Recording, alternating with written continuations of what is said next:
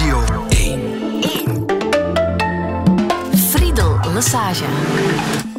Touché. De laatste touché van 2021 met Bart Stouten. Goedemorgen. Goedemorgen, Friedel. Hoe gaat het met je? Nou, prima, het gaat excellent, ja. Ja, je bent uh, radiocollega natuurlijk bij, uh, bij Clara, de Bart van Clara, sinds 31 augustus officieel met pensioen, maar je kreeg daar een heel fijn afscheidscadeau. Hè? De ja. comeback van het uh, programma De Tuin van Eden. Dit programma, ik speel heel graag jingles. De Tuin van Eden, met Bart Stouten. Je bent terug. Ja, het is trouwens een jingeltje dat uh, Greet van het Veld gekozen heeft. Ik werk ontzettend graag met haar samen. Dus het is echt een heerlijk om weer opnieuw met haar in dat bootje te drijven op het water van uh, al die mooie muziek. Ik ben terug. Ik had gezegd uh, tegen Clara van kijk, de deur staat open als jullie willen. Ik ben er om jullie te helpen. Ik heb geen verwachtingen. Het hoeft ook niet. Maar ik vond het wel een mooie accolade dat ze dan meteen al aanklopte en vroeg of ik dan dat programma op vrijdagavond wou En dat programma is ook een bijzonder programma, hè? De Tuin van Eden. Hoe lang heb je dat uh, gepresenteerd? Iets meer dan tien jaar. En dat is voor mij een bijzonder programma, omdat daarmee ook de poëzie in mijn leven geëxplodeerd is. Dat zat eigenlijk zo heel eenvoudig. Uh, Walter Couvreur, toen net hoofd van Clara, had me gezegd: Kijk, we gaan je vragen om elke dag te presenteren, maar je moet je aankondigingen wel kort houden. Want ik ben dus een Chinees paard, ik galoppeer mezelf uh, te pletter soms. En je, moet dus, je krijgt 40 seconden. Nu ja, 40 seconden vond ik niks. Als je een paar namen noemt, dan zijn die al op. Maar ik dacht, hoe kan ik dat doen? Sfeer creëren, want radio is voor mij een medium om sfeer te creëren. En zo kwam ik dus bij een verdichting van, van, van gevoelens, van sfeer, van werkelijkheid, van muziek, uh, weetjes en zo. En er kwam een poëtisch register tot stand. En dat ging doorlopen in mijn eigen leven. En ik begon de charme te ontdekken van heel beknopt, lapidair praten enzovoort. Dus de poëzie is met de tuin van Ede in mijn leven niet gekomen, want ik was al lang met dicht gedichten bezig, maar heeft toch wel echt uh, zijn blijvende betekenis gekregen dankzij dit programma. Ja, op vrijdagavond is dat, hè, van vijf ja. tot, uh, tot acht. Een heerlijke manier om aan het uh, weekend te beginnen. Zijn jouw gepensioneerde collega's nu een beetje jaloers dat jij dit mag? Ik denk het wel, maar daar mogen we niet heel luid over praten. Maar uh, Klare heeft blijkbaar, ik ben niet bij die onderhandelingen betrokken geweest, een afspraak gemaakt dat ik gevraagd kan worden voor één programma, dus de Tuin van Eden. En daarbuiten mag ik niks doen. Dus uh, er werd door andere mensen alles gevraagd van zou je niet op kerstmis uh, nog een programma doen en zo. Dat wil ik heel graag doen, maar dat mag dan niet. En ik vind overigens, voor daar misverstanden over ontstaan, dat het aan de jonge mensen is om de fakkel over te nemen. Ik, ik ben de eerste om op de barricade te staan, om hun belangen te verdedigen. Ik vind echt dat het aan jonge mensen is. Maar ja, als je gevraagd wordt, dan, dan zeg je natuurlijk niet nee, hè, Friedel. Zeker als je ja wil zeggen. Je bent een ontzettend geliefde radiopresentator, uh, zeker voor de luisteraars van Clara. Maar je krijgt ook wel haatmails. Hoe ver ja, gaat dat? Ja, maar dat is goed. Ik vind, ja? ja? ik vind dat wel een goed teken. Ik zou het heel erg vinden als iedereen de hele tijd alleen maar lof zwaaide. En nu krijg ik soms ja, hele filijne uh, e-mails van weinig hoor, maar ik krijg ze wel. Van uh, mensen die de manier waarop ik presenteer um, bekritiseren en echt mij dan tot pulp herleiden, want ze, zijn dan, ze sparen je niet, ze zijn heel grof. En, maar dat, dat, treft ons allemaal. En ik denk als je uh, hoge bomen vangen veel wind natuurlijk. Ik las gisteren uh, rond um, Pierre van Damme, las ik in de sociale, sociale media, las ik heel onbehouden commentaren van mensen. En dan denk ik, hoe erg. Ik heb een heel, zelf een heel groot respect en bewondering voor die man. Overigens ook voor Erika Vliegen, voor, um, weet je, al die andere mensen, al die andere virologen en, en Mark van Ransten en zo. Ik vind dat, dat die echt wel eens een keer een, een pluim verdienen, want uh, ze, ze kruipen in het stof om ons uit die vreselijke crisis te helpen. Maar je hebt altijd mensen die iets projecteren in die commentaren. En dat is ook zo wanneer ze mij aanschrijven met hun bedroevende meningen over uh, de presentatiestijl, dan projecteren ze iets anders. En ik ga er meestal niet op in. Maar het is wel zo dat die ene negatieve mail, die kan natuurlijk je dag om zeep helpen. Het je kan honderd ja. positieve mailtjes krijgen en dat is leuk, maar die ene mail helpt je wel uh, in de put. Hè? Mm. Hoe zou jij jezelf omschrijven? Ik denk als een um, gerateerd componist. Ik ben eigenlijk iemand die heel erg met muziek is grootgebracht, opgegroeid. Ik houd van Bach, van, van heel veel componisten. Ik heb ook als jonge man proberen muziek te schrijven. Dat is niet zo goed gelukt.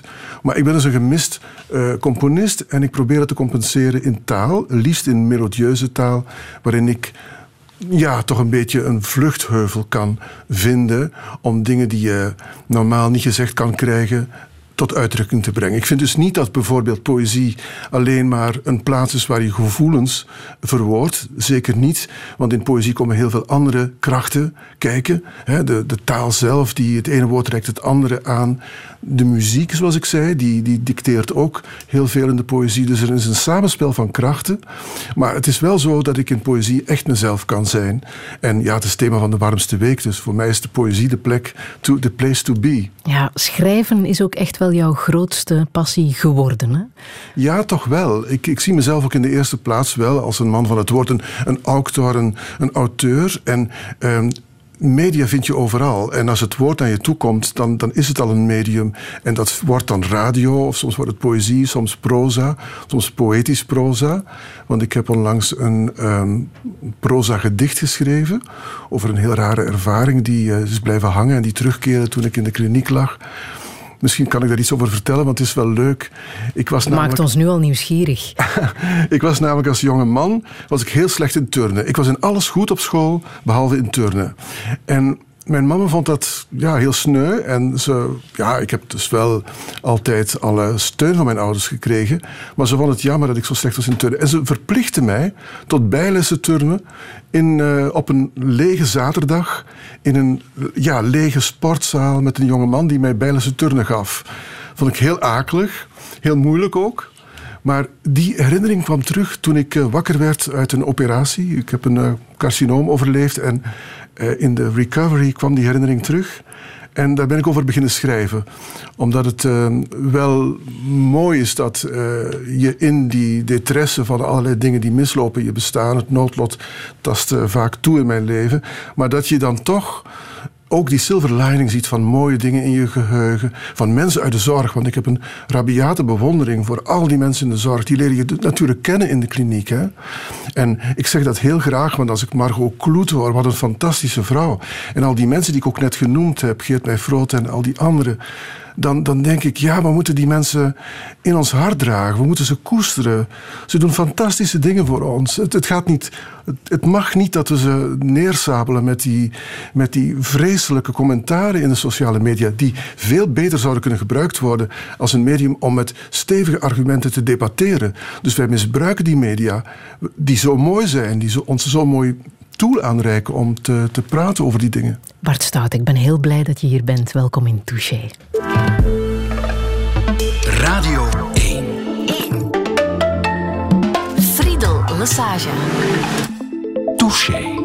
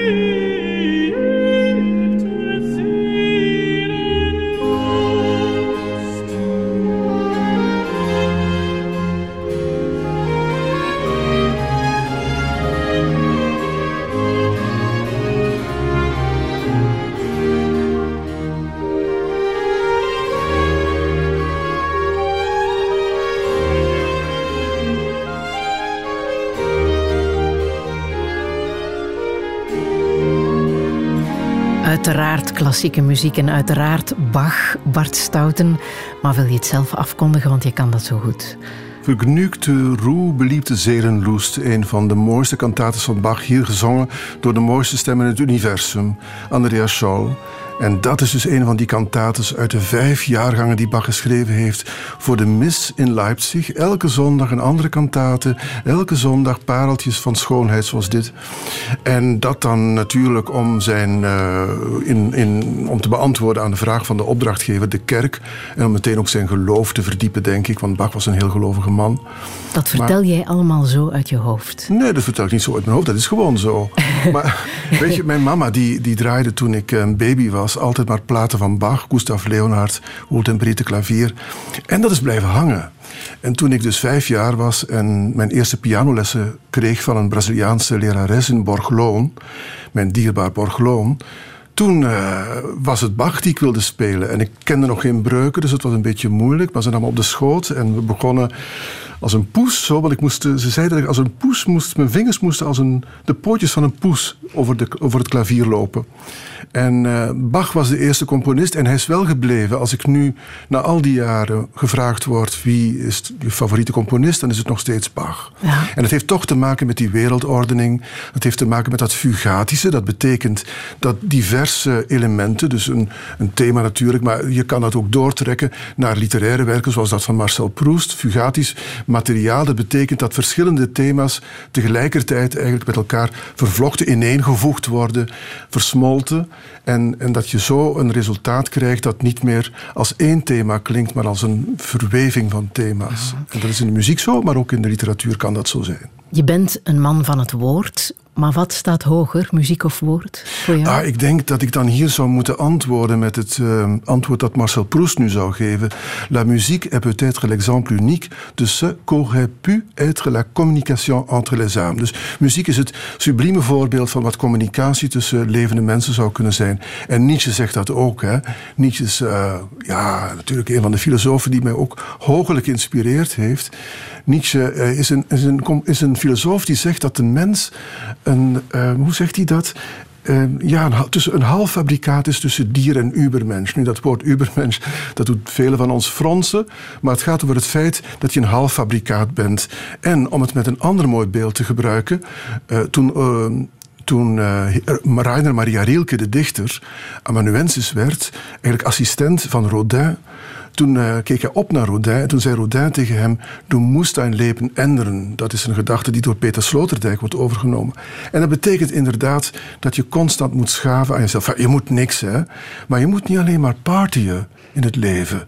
Je kan ook een, vanuit dat halffabrikaat dat je bent, kun je opklimmen naar iets dat misschien wel mooi is voor je medemens of voor je luisteraar. Of, uh Mag ik zeggen dat jij ja, eigenlijk de beste plek hebt gevonden waar je kon zitten, namelijk uh, op de stoel van uh, radiopresentator, ja, waar radio. muziek en woord zijn samengekomen? Hè? Ja, ik denk nu aan een advies dat. Um, dat, um, hoe heet hij ook alweer, Einaudi gegeven heeft aan een andere componist die zegt wanneer je componeert moet je niet te zeer met technicaliteiten of muzicaliteiten zelfs bezig zijn, maar je moet aan andere hemisferen denken, aan filosofie, aan woord, aan geschiedenis, aan visuele kunst. En dat is waar. Eh, ik zit op de plek die ik uh, mij gedroomd heb, omdat je daar kun je de luisteraar inspireren met als Venn-diagram op elkaar te leggen al die dingen die ik net genoemd heb, zodanig dat er vonkjes overspringen. En dat is mijn bedoeling met die presentatie. Niet dat je nog eens muzikologische uitleg geeft of dat je nog eens vertelt wat een fuga is of zo, maar dat je wel vanuit de dingen die je zelf ge gevoeld hebt bij het praesentieren, het vooraf voelen van de muziek, dat je vandaar dingen aanreikt die bij de luisteraar kunnen op een vruchtbare bodem vallen. Ja, klopt het dat je opnieuw bent gaan studeren? Filosofie. Ja, dat klopt. Ja. ja, ik dacht, uh, kijk, ik ga nu uh, mijn tijd verbijden met, met leuke dingen. En ik ga natuurlijk veel schrijven.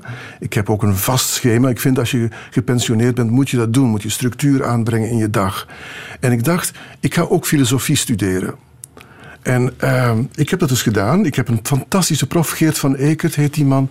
Dat is een geweldig gepassioneerde man die met een grote verbositeit praat over al die filosofen. We zijn nu aanbeland bij de Neoplatonisten, dus dat is leuk.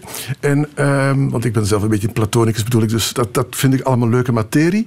En uh, het is ook leuk om sociaal contact te hebben met die andere studenten. Die praten dan met mij. Ik was vorige week werd ik uh, gemolesteerd op straat brutaal aangevallen eigenlijk. Dus ja, ik um, moest mijn geld afgeven. ik werd op straat gesmeten op de, ja, door, door twee jonge mannen. En dan waren die studenten er om mij op te vangen. Dus ik heb dan in de marge van, die, van dat hoorcollege ook nog leuke contacten. Ja, maar en je zit daar tussen jong volk. Ja, en ook niet alleen jong volk. Hè. Er zijn ook wat oudere uh, heren en dames. Maar uh, ja, dat maakt allemaal deel uit van de filosofie. Ook omdat die prof Geert van Eekert open staat voor dialoog. Hè. Dus uh, je kan vragen stellen, wat ik graag doe natuurlijk. En er is een hele warme sfeer in dat college. Mm -hmm.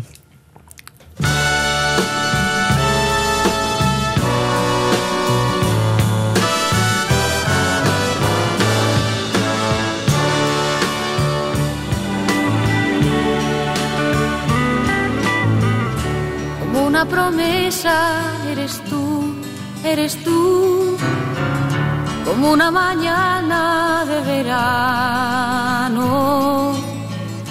como una sonrisa, eres tú, eres tú, así, así, eres tú. Toda mi esperanza eres tú, eres tú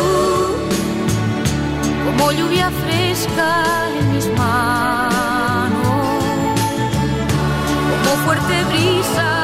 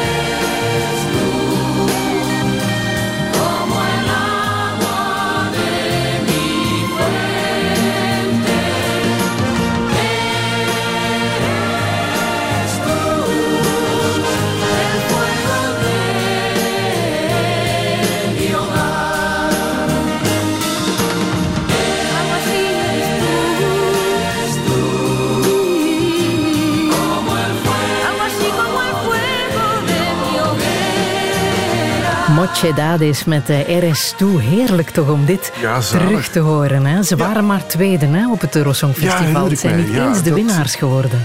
Toen zei, ja, dat is het, eh, de keer. Hè, dat, eh, maar ik vind dit het mooiste nummer dat ooit gespeeld is geweest in het Eurovisie Songfestival.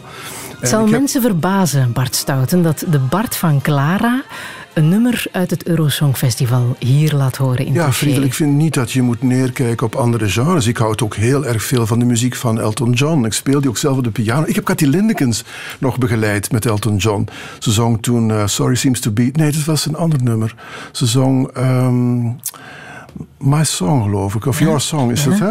Ja, en... en ehm, maar ik vind eh, het een kunst om een nummer zoals Eres Toe op deze manier op te bouwen. Met de build-up van die, die mooie melodie, die dan ook ehm, dynamiek krijgt en door die backing vocals enzovoort. Dat is een hele kunst.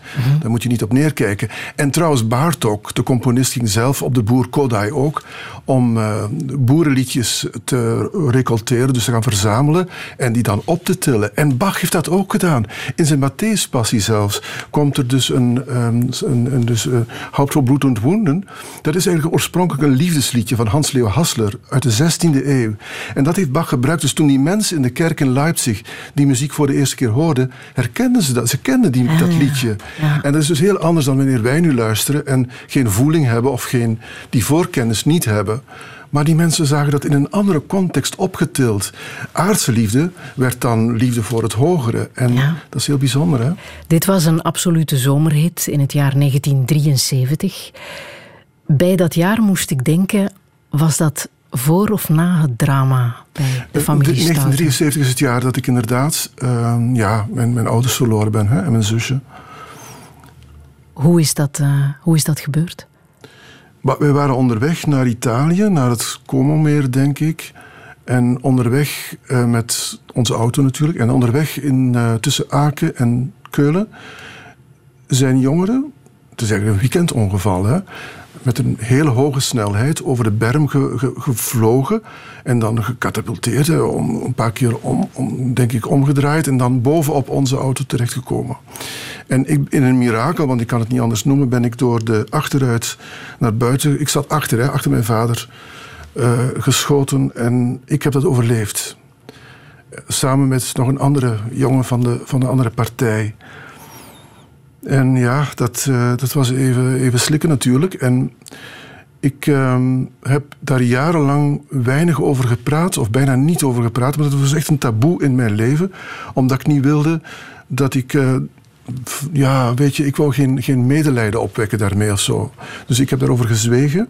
Maar het is wel een breuk door mijn leven die mij gemaakt heeft. En die al die dingen, al die liefde voor, voor Marcel Proust bijvoorbeeld, dat is rechtstreeks een gevolg van het ongeval. Maar jij was toen 15? Ja, ik was 15 jaar. Ja.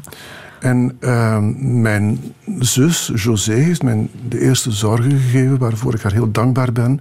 En dan heeft de rechter mij toevertrouwd aan de goede zorgen van mijn leraar Latijn, man die ik heel erg bewonderde. En ja, dat was fantastisch natuurlijk, mooi hè, wat die mensen deden. Die hebben mij dus opgevangen. Voor mij was het eh, ja, ook fijn om te weten dat ik eh, verder kon. Er waren wel heel veel problemen, heel veel vragen ook. En je moet jezelf ook voor een stuk redden. Je kan gered, want dat was een reddingsoperatie. En dat is heel dierbaar. En je voelt dat ik daar met groot respect over praat. Maar je moet ook jezelf een beetje redden. Je, bestaat voor een aantal vragen over het verleden dat voor weggezonken is. Over die herinneringen die eh, ja, toch wel zijn. Maar die, wat moet je daarmee en zo? En ik heb dat ehm, kunnen filteren via het oeuvre van Marcel Proust. En dat klinkt raar zoals ik het nu zeg, maar de concrete werkelijkheid is dat er in de kliniek in Duitsland, waar ik dus lag, te bekomen van het ongeval, dat er niets was. Er was echt niets. Er was af en toe bezoek, niet zoveel, want ik lag natuurlijk niet zo dicht bij, huis. Maar er was wel een vriendin van mijn mama die een Franse versie, de folio-versie van À la recherche du temps perdu, van het eerste deel van Marcel Proust meebracht. En er was een nonnetje dat met mij af en toe, niet de hele dag door natuurlijk, maar af en toe lazen we zo een paar zinnen. En dat sprak mij enorm aan, ook omdat het thematisch zo inspeelde op ja, die leemte, die leegte, die, Marcel Proust was er met zinnen die, waarvan de kleur, de melodie direct tot mij sprak. En dat werd alleen maar dieper en dieper, want ik ontdekte een aantal dingen die gelijklopend waren. Marcel Proust was ook zijn ouders kwijt, was, waren ook overleden. Hij was ook astmaticus, zoals ik. Hij was ook homoseksueel. Dus er waren een aantal dingen die, die spoorden met mijn leven. En het is alleen maar, ehm, dat heeft zich alleen maar verdiept. Maar je kan je voorstellen dat dat voor mij echt een, een vriend was, eerder dan een auteur. En nog altijd trouwens nu heb ik het gevoel dat ik Marcel Proust gekend heb haast. Ik overdrijf het een beetje, maar eh, ik wil ook niet zeelotisch daarover praten, eh, dwepend of zo. Maar het is wel een feit dat die, dat die auteur heel dicht bij me staat. En ehm, ik heb trouwens ook een... ehm, ja, hele speurtocht naar Proest ondernomen. Kort nadien, ik ben de adressen gaan opzoeken waar hij gewoond heeft. Ik heb in de kamer gaan slapen waar hij, waar hij overleden is. Ik ben eh, de boulevard Haussmann, waar de recherche geschreven is, ben ik gaan opzoeken. De Bibliothèque Nationale in Parijs ben ik, heb ik eh, bezocht. Ik heb het manuscript van het laatste deel van de recherche, dat kon toen nog, heb ik in de eigen handen gehad. En eh, ik ben ook beginnen schrijven. Als Proest, in schriftjes. In totaal zijn dat dus 32 schriftjes die ik volgepend heb. Schriftjes die ik dan, eh, ja, dat zijn met een, met een kartonnen kaft zo, dat hele mooie schriftjes. Die heb ik allemaal volgeschreven en die zijn nog steeds een bron van inspiratie voor mij. Stel dat dat ongeval niet was gebeurd. Dat je ouders toen niet waren gestorven, jouw tweelingzusje niet was gestorven. Wat voor iemand zou je dan geworden Dat weet zijn? ik niet. Daar kan ik gewoon niet op antwoorden. Dat weet ik niet. Mijn mama was een eh, wiskundelerares. Mijn vader heeft de, muziek, de liefde voor muziek geïnstalleerd bij mij. Hij speelde schuiftrombone en kwam soms aan de piano staan en improviseerde een beetje. Maar ik kan niet antwoorden op de vraag wie ik zou zijn geworden. Dat, dat is voor mij heel moeilijk. Want er is wel een ander leven begonnen, hè? Toen je 15 was. en Ja, dan begint in een ander leven, letterlijk. Ja. En dan moet je ook die knop, je kan niet anders. Je moet vooruit, je moet die, die knop omdraaien.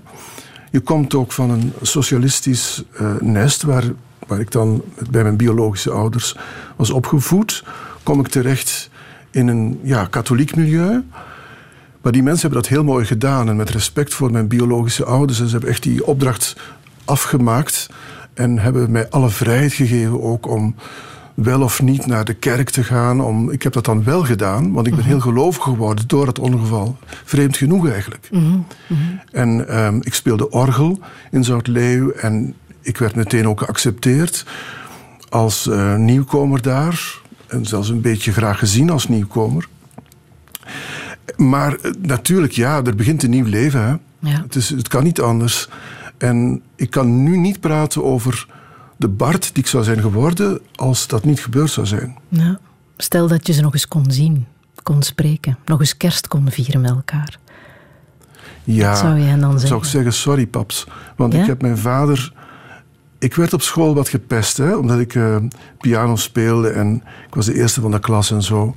En er waren wat jaloerse krachten aan het werk en ik werd gepest. Nou wil ik dat niet eh, te zwaar laten klinken, want er waren ook fantastische jonge mensen bij daar in, in, die, in die schooltijd in het ateneum van Sint-Truiden. Maar ik kwam thuis met verhalen over die pesterijen. En eh, mijn vader die vond mij een doetje. En er was een militair, dus die sprak vanuit dat macho bravado dat in het eh, leger bestaat. En die zei: Je moet meer man worden, je moet je verdedigen, je moet niet met je laten sollen. En ik vond dat, eh, ik vond dat moeilijk. En ik heb, het kwam tot hevige discussies die ik eh, zeer, zeer, er heel onbehouden dingen gezegd. En daar heb ik spijt van. Ah, dat En zou dus je ik willen zou, zeggen. Ik zou zeker als ik mijn vader nu zou ontmoeten, na de uitzending zou ik zeggen: Sorry, paps.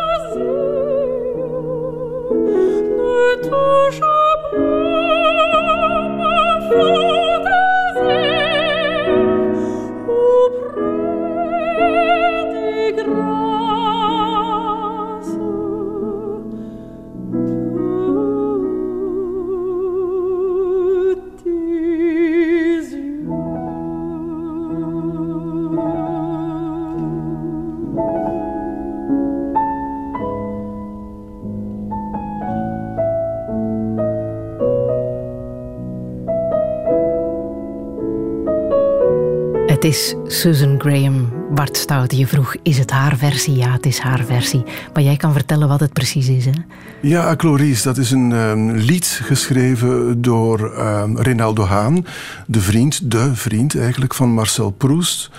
Ehm, en ja, je zou kunnen zeggen, het heeft model gestaan. Maar dan neem ik nu wel een loopje met, met de realiteit, moet ik ook eerlijk toegeven.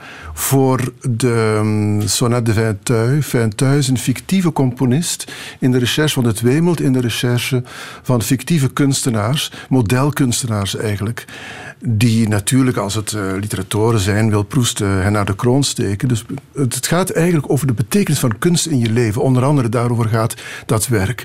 En Proest voert dus als personages onder andere eh, dus componisten op, visuele kunstenaars, literatoren en zo, om, om het te hebben daarover. Hè, van hoe moet ik schrijven, hoe kan er geschilderd worden enzovoort.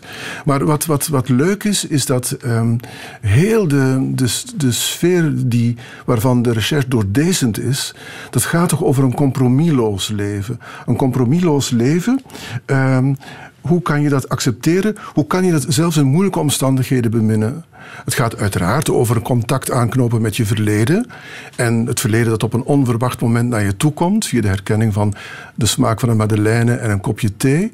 Maar het gaat toch ook over hoe staan we in het leven en ervan uitgaan dat de liefde, want dat is natuurlijk een boeddhistisch gegeven bij Beckett, de liefde faalt en je moet proberen ehm, de- een outsider van je leven te worden. Je moet proberen te komen tot een, eh, ja, een, een, een loslaten van, van, van de betekenis die je hebt gezocht in die liefde. Maar hoe kan je dan toch zin geven aan je leven? En dat kan in de modernistische opvatting van Proust via de kunst. En dus het is belangrijk dat kunst in die personages wordt eh, toegelicht. Ja, je bent sinds dat moment, sinds dat ongeval, sinds eh, dat boek dat je toen hebt gekregen van eh, Marcel Proust, alleen maar met, met Proust in die mate bezig geweest, in het onderzoek naar wat hij precies heeft Ik geschreven. geef En- toe op een obsessieve manier. Ja, ja. Dat, dat, dat geef ik toe. Ja. En dat had ook wel te maken met de vondst van een ontdekking van een essay van Samuel Beckett over Marcel Proust. Een prachtig essay met eh, geweldig mooie zinnen. Ik herinner mij bijvoorbeeld de eerste zin van dat essay. Bij Proust kan elke speer een Telephus-speer zijn. En dat is mooi om even toe te lichten trouwens. Telephus is de zoon van Kronos en die schiet met, of die, die werpt speren waarvan de roest Natuurlijk, eh, de speer brengt een wonde teweeg, maar de roest geneest ook die wonde. En het gaat dan over de liefde, de werking van de liefde. Dus de, de liefde faalt, maar de liefde geneest ons ook van de illusie. Van de illusies eh, die eerst eh, door de jonge Marcel Proust worden ervaren. En je zou dus een, de recherche als een demasqué en een debunking kunnen zien van al die illusies. Om dan te komen tot de ware betekenis van kunst. En ja, het is waar wat je zegt. Ik ben er op een obsessieve manier mee bezig geweest. Bijna als een, eh, ja, iemand die een, een, hoe zeg je dat, een sycophant, hè? Die zo helemaal als Proest, en zich ook Proest voelt, bijna. Ja, ja, ja. Ja, Volgend jaar is het 100 jaar geleden dat hij is gestorven. 18 Ja. november 1922. Maar is het dan niet prachtig dat die man bij mij gebleven is? Ja. En dat hij zelfs in moeilijke omstandigheden, zoals toen ik dan eh, met, die, eh, ja, met die kanker eh, geconfronteerd werd, toch bij me blijft en toch weer een les aan, aanreikt. Ja, en, toch welke weer- les heb jij gekregen van Proest? Kan je dat, kan je dat verwoorden? De grootste les die ik van Proest gekregen heb, is dat je vandaag niet kan beslissen met vanuit een ik dat je niet meer bent. En dat klinkt ook weer een beetje raar, Ja. maar je moet weten dat À la recherche du temps perdu is een werk van 5000 bladzijden dat de transformatie van al je ikken weergeeft. Dus je bent niet meer dezelfde vrouw of man die je gisteren was. En eh, heel vaak nemen we nu beslissingen vanuit een vanuit de, het wezen dat we, dat we in het verleden waren. En dat moet je vooral niet doen. En dat is iets waar ik mij constant, ehm, waar ik constant mee rekening houd. In mijn eigen leven. Ja. En er zijn nog andere dingen.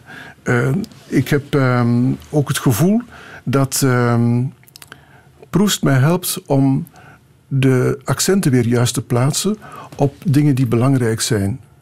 Maar dat is niet alleen Proust die dat doet. Hè. Ik kan dat ook vanuit Sartre bekijken, vanuit La Nausée van Sartre. Een mooi roman trouwens, heel mooi roman, De Walging.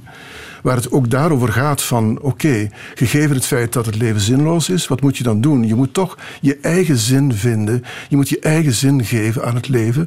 En dat doet Margot Kloet en andere mensen in de zorg door anderen te helpen. Ik doe dat door de luisteraar te bedienen en door gedichten te schrijven. Jij doet dat op jouw manier. Maar het is wel nodig dat we die focus hebben. En ik ken heel veel focus, eh, heel veel mensen die, die wie het een focus ontbeert. En dat is jammer natuurlijk. En Paul Verhagen schrijft daarover, hè, over de, het vacuüm in het leven van sommige mensen. Dus je moet proberen een, een, een focus te vinden. Marcel Proust heeft die focus gevonden in het verwoorden van de noodzaak van kunst. Wat een beetje een achterhaalde gedachte is. Trouwens, er zijn bij het herlezen van Proust, merk ik dat, ook heel veel slordige passages bij Proust. Je moet niet denken dat het alleen maar een bijbel is, die Proust. Eh, maar is bij Mozart ook, hè. Er zijn bij Mozart, en wie mij niet gelooft, die moet maar eens op de YouTube op zoek gaan naar ehm Glenn Gould die daarover vertelt. Ja. Er zijn in de pianoconcerten van Mozart zeer slordige momenten, zeer voorspelbare momenten, akkoordsequenties die iedereen zou eh, kunnen bedenken. Maar er is natuurlijk ook wel de geniale Mozart, Ja. die wellicht onder tijdsdruk dan in de verleiding komt om eh, ja, een beetje minder goed te schrijven. Ja, bij Beckett waarschijnlijk ook wel het geval geweest dat hij Dat fouten heeft zo. gemaakt en slordig is geweest. Dat is absoluut zo. En ik denk dat je zelfs de trilogie, waarin hij nog heel erg dicht in de buurt van zijn grote voorbeeld James Joyce zit, dat je ook inderdaad die slordige passages kan aanduiden. Misschien minder in zijn later werk, maar ja, Beckett is, Beckett is hors concours. Hè? Die Ja? heeft toneelstukken geschreven op, ehm, ja, op, kaart, op postkaarten. Hè, er is Breath bijvoorbeeld, dat is een toneelstuk dat 30 seconden duurt. Nou ja, kun je moeilijk eh, echt au serieus nemen. Bart, Maar- mag ik zeggen dat je door Beckett bij de radio bent terechtgekomen, door de hoorspelen Dat mag je van- zeker zeggen. Nu, er, zijn vele, er zijn vele invloeden die mij warm gemaakt hebben voor radio. Maar Beckett is zeker een van de, laten we zeggen, grootste krachten die mij gedreven hebben naar het medium. Je moet weten dat in 19, wanneer was het? 1986. Toen was Beckett eh, 80 zeker, hè? Toen heeft, hij, ehm, toen heeft de BBC Radio 4 heeft de complete hoorspelreeks van Beckett heruitgezonden. En ik wist eerlijk gezegd niet dat Beckett hoorspelen geschreven had. Maar dat is natuurlijk het medium waarin Beckett op zijn mooist is. Want als je Beckett leest, dan komt die idee heel vaak terug. A voice comes to you from the dark. En dat is de stem van je geweten. Of van je bewustzijn in elk geval. En ehm, dat idee om een stem dus te anseneren in het donker, dat kun je nergens zo mooi als uiteraard in radio of op radio. En die hoorspelen die waren om vele redenen heel bijzonder. Ook vanwege de imitatie van dierengeluiden door mensenstemmen. En dat heeft dan weer te maken met de, de wijze waarop jij bijvoorbeeld de, de werkelijkheid hier in deze studio op dit moment gewaar wordt, is anders dan hoe ik dat percipieer. En dus we hebben allemaal onze eigen werkelijkheid. En een hoorspel kan dat dus. Een hoorspel kan weergeven ehm, wat jij hoort en selecteert. Want bijvoorbeeld in dat eh, hoorspel All That Fall, Allen die vallen, mooie titel trouwens, het slaat op de herfst, maar ook op de Bijbel, eh, komt een personage en het is een Mrs. Rooney, ook een mooie naam, Ruïne, hè, dus een, een vrouw die bijna op sterven na dood is, maar zij... eh, Het andere personage zegt tegen haar: Heb je de trein gehoord? En we hebben geen trein gehoord als luisteraar, omdat we in het hoofd van dat personage, Mrs. Rooney, zitten. Daar vertoeven we. Dus dat is prachtige radio. Heb jij En- Beckett ooit kunnen ontmoeten? Nee. Het had misschien gekund. Het had gekund, want ik heb dus op het moment dat ik die hoorspelen van Beckett hier bij de VRT gerealiseerd heb, heb ik zijn maîtresse ontmoet, Barbara Bray. En het, het onwaarschijnlijke feit heeft zich voorgedaan dat ik met die vrouw tien jaar lang, langer zelfs, gecorrespondeerd heb, zonder te beseffen dat ze zijn maîtresse was, omdat ze toen haar naam kwam niet voor in de biografie over Beckett van Deirdre Baird, de Amerikaanse Deirdre Baird, die ik wel ontmoet heb. Maar eh, achteraf, toen James Knowlson van de Universiteit van Reading Beckett's biografie schreef, toen bleek dat dus, dat zij, ze, dat zij de maîtresse was van Samuel Beckett. Een heel bijzondere vrouw, over wie ik in mijn boek vertel. Dus, ik Je hebt een boek geschreven- hè? Proest en Beckett, waar Ja. al jouw eh, gedachten dus rond de twee auteurs... Ja. Ja, en over de dingen die ze mij over Beckett verteld heeft. En eh, nee, ik heb helaas Beckett zelf niet ontmoet. Maar dus wel zijn, de vrouw in zijn leven. Die... En heb jij dan ook ontdekt dat zij de maîtresse was?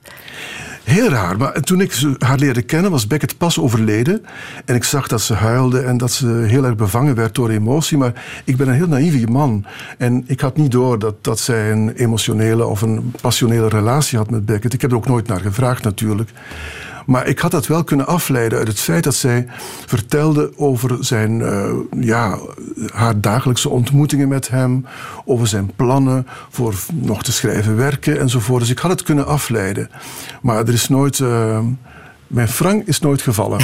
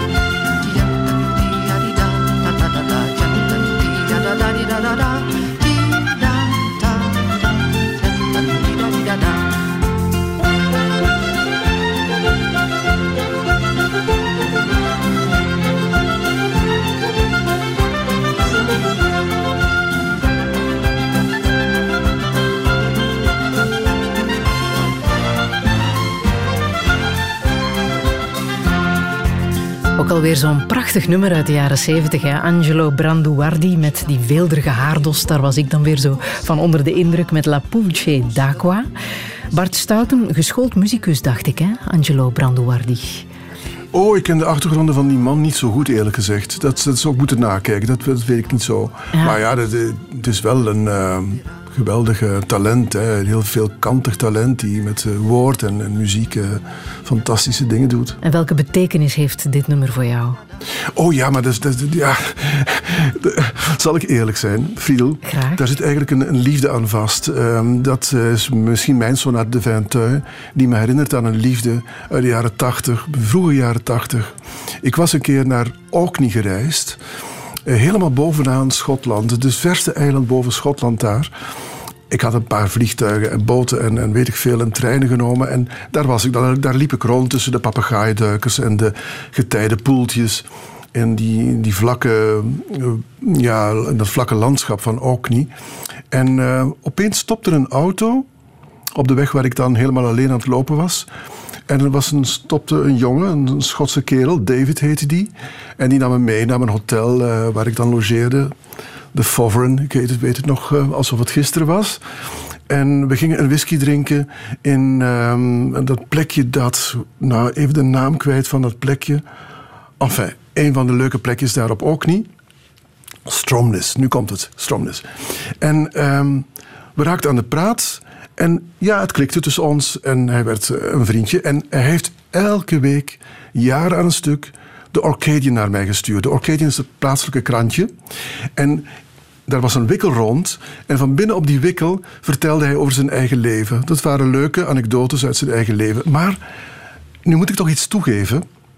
Dat werd wel heel persoonlijk uiteraard. En het werd ook een beetje opdringerig, dat geef ik toe. En op een bepaald moment werd ik slordig in de omgang met die wikkels.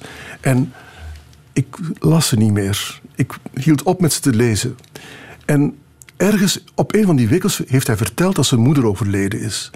En je kan je het schaamtegevoel voorstellen dat mij overviel toen ik daarachter kwam dat ik dat niet gelezen had, dat zijn moeder overleden was. En dat is eigenlijk ook een beetje een doorbraakmoment geweest voor mij om eh, nooit meer details eh, over het oog te zien of uit het oog te verliezen of eh, nooit meer ja, voorbij te gaan aan dingen die belangrijk kunnen zijn. En dat is een beetje een devies in mijn leven geworden. Je moet proberen af te dalen in de realiteit. En dat is ook wat ik doe als schrijver, hoop ik toch tenminste. En dat is ook het mooie van het schrijven. Dat je de werkelijkheid even stillegt en dat je in de diepte gaat. En dus dat je niets aan het toeval overlaat of niets uit het oog verliest, maar dat je wel eh, de juiste plek, zeker voor die belangrijke dingen, vindt dan. Ja. Waarom wou jij naar Orkney? Ja, ik heb ehm, zo'n hang naar Usqua, het extremum terrae, naar het einde van de wereld. Ik heb ook, ehm, ben ook vaak in Japan geweest en ik ben ook in Alaska geweest bij de Eskimo's. Of ja, Inuit Ja? moet je dan zeggen. Ja, Ja. ja. Ja, dat, ja, dat was heel raar, maar ik had een... Ik probeer het mij voor te stellen. Ja, ik had ergens in een ehm, tijdschrift een artikel gelezen over een plekje. En dat plekje, dat heette... Wachtwoord, moet ik even nadenken. Het had natuurlijk een hele vreemde naam. Ehm, ik kom er even niet op, dat volgt dadelijk wel. Maar dat was een heel mooi plekje in Alaska. En ik dacht, daar wil ik naartoe op de aan de hand van wat daar beschreven werd in het artikel en de foto's die erbij stonden, besloot ik om daar naartoe te reizen. En via Anchorage ben ik dan daar naartoe gereisd. En er zijn, er zijn prachtige dingen gebeurd, want eh, er was dan postbode die dan van het ene plekje naar het andere vloog met, eh, met zijn vliegtuigje. Die nam mij dan mee. En ik, dat was bijna mystiek voor mij, want ik kwam dan echt zo, met, vloog ik over die, die ijsbergen en dat, dat was fantastisch gewoon. En dat reizen heeft dat ook te maken met ja, die drang om het leven helemaal te beleven, om niks te missen, om alle kansen te grijpen. Ja, er is toch ook wel de, de behoefte om een plek te vinden waar je eh, ver weg van de menselijke beschaving, ver weg van de laatste resten van de menselijke beschaving, helemaal aan jezelf overgeleverd bent en misschien tot een andere, of eh, de realiteit moet herijken via de ontmoetingen die zich dan da- daarvoor doen. Zoiets, Ja. denk ik. Niet zo'n mensenliefhebber dan. Jawel, ik ben een mensenliefhebber. Maar kijk, onze collega Christine Bonneure heeft een mooi boek geschreven over stilte. Ja. En niet, niet alleen zij trouwens, ook Sarah Maitland heeft een prachtig boek geschreven over stilte. En daar gaat het over de stilte, opgezocht door, ervaren door poolreizigers, bergbeklimmers enzovoort. En ik vind dat wij dat nodig hebben in ons leven. Een, ehm, ja, een, een, een moment waarop we die stilte, de confrontatie met die stilte opzoeken En ook eh, aandurven, want vaak is het moeilijk. Hè? Ja. Laten we hier nog even bij stilstaan, want ik heb eh, muziek uit eh, de film Kiss of the Spider-Woman, een film uit 1985, Braziliaans-Amerikaanse film met William Hurt in de hoofdrol, die daar ook een Oscar voor heeft gekregen. Een film die jou heel erg heeft geraakt. Waarom heeft hij zoveel indruk op jou gemaakt? Ja, dat is zo. Dat heeft mij heel erg geraakt. Maar dat heeft wel eh, veel te maken met mijn homoseksualiteit. Kijk, eh, mijn homoseksualiteit was, ik, om te beginnen, heel belangrijk. Ik vind het eigenlijk een non-issue.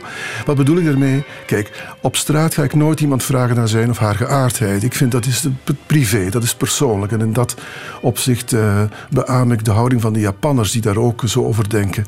Maar ik vind wel dat als het ertoe doet, moet je eerlijk zijn, vind ik. Dus als ik gevraagd word naar mijn partner, dan ga ik uiteraard over Mark spreken, mijn vriend. En niet over een vriendin die er niet, niet, niet is of zo. Dus dat is, dat is één iets wat ik daarover wil zeggen.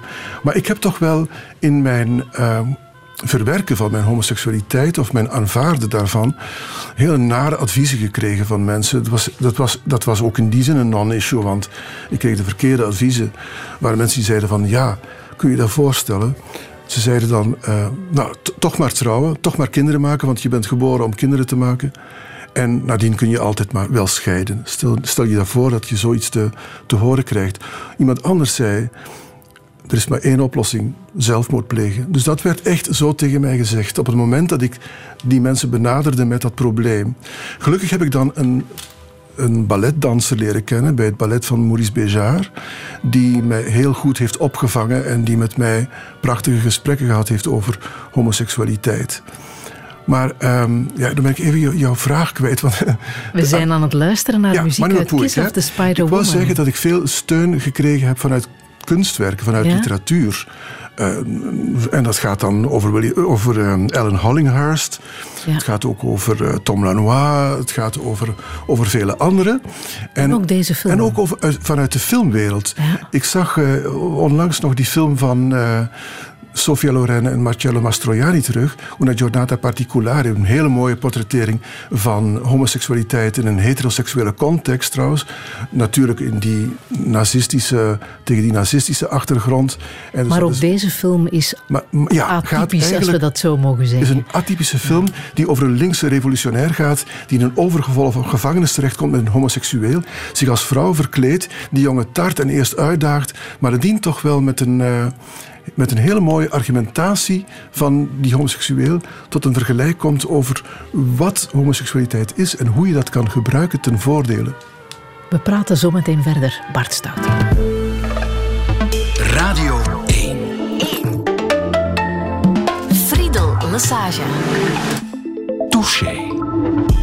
Touché met Bart Stoute. Eind augustus ging de vertrouwde stem van radiozender Clara met pensioen om een maand later alweer zijn comeback te maken.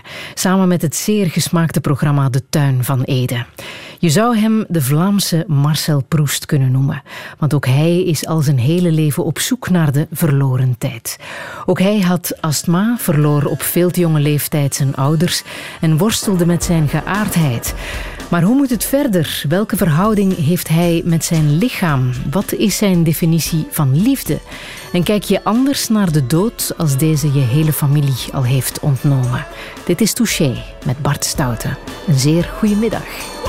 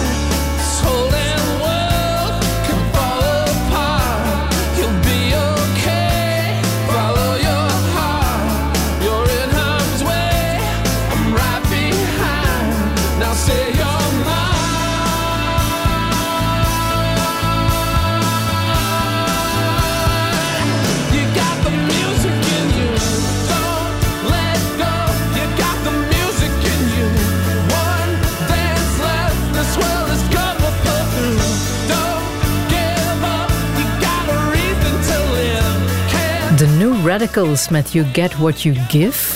Bart Stouten, het is jouw keuze, hè? dus jij, mag het, jij mag het uitleggen. Ik mag het uitleggen. Het is voor mij een aspirine. Als ik in een dipje zit, niet dat het vaak gebeurt, maar dan speel ik deze muziek en instant word ik beter. Mijn vriend trouwens, die spreekt twee woorden en ik word ook beter. Dus soms zit ik met een reusachtig probleem en dan leg ik het voor aan hem. Hij spreekt twee woorden en het probleem is weg. En deze muziek kan dat ook. Dus het probleem van de tafel vegen. New Radicals. Dat heb ik ontdekt toen Noel Edmonds, die had op BBC One een eh, soort show waar eh, anything goes, waar echt rare dingen gebeurden. En die heette Noel's House Party. En op een bepaald moment moest hij daarmee stoppen. Er was iets gebeurd. Ik weet het niet meer goed wat het, wat het, wat het was. Maar eh, hij speelde bij het afscheid dit nummer van, van de New Radicals dus. Hè. En ik ken die groep verder niet, maar ik vond het meteen muziek die, ja, die mij zo een boost gaf. En ik dacht, dat moet ik eens kopen. En als ik eens een volgende keer dat ik eens een keer in mijn dipje zit, dan speel ik dat. En ik deed dat. En kijk. Wanneer was jouw laatste dipje? Oh, dat? ik heb heel, heel zelden dipjes. Ik, ik heb echt wel... Ja, ik, ik sta met mijn beide voeten op de grond. En ik heb mijn boeken. En ik heb ook mijn, mijn, mijn boeken die mij kunnen helpen. Hè? Dus het is niet alleen muziek die mij helpt. Maar je hebt Eh, ook- Mhm. Poëzie, Elizabeth Bishop helpt mij heel erg. One Art, bijvoorbeeld dat gedicht. Er, er zijn dingen uit de kunst die mij helpen. En ook het werk van Van de Villiers is voor mij een bijzondere kracht, heeft dat werk. Misschien mag ik, mag ik iets vertellen over Fan? Ja, ja, ja, ja. dat Fan is een een- eh, beeldhouwer. Ja, een beeldhouwer. Die bijzonder een Schots- werk maakt. Heel Heel bijzonder mooi. jongen. Ja. Hij is een Schot en hij is... ehm, in, in de filosofie gebru- gebruiken wij het woord hulemorfisme. Hè? Dus eh, de stof en de vorm vinden elkaar prachtig. Hij werkt met archetypes. En dat, die beeldhouwwerken van hem, die zijn heel macho, maar tegelijkertijd zit er ook een zachtheid in. En dat is iets wat ik erg inspirerend vind. Dat je via de link met het forticisme, dus dat cubistische, dat, dat geometrische en zo... ehm, gaat die heel eh, strakke, abstracte vormen uitwerken, maar op een hele zachte manier. En dat is iets wat in kunst niet zo vaak gebeurt, dat je dat uit, uitgesproken, die uitgesproken keuze geamendeerd ziet door een zachte kracht of zo, door iets anders, een tegenwerkende kracht bijna. En hij maakt dat tot prachtige sculpturen. Het is bovendien een hele aimabele man om mee te praten. Ik heb een grote bewondering voor hem. Ja.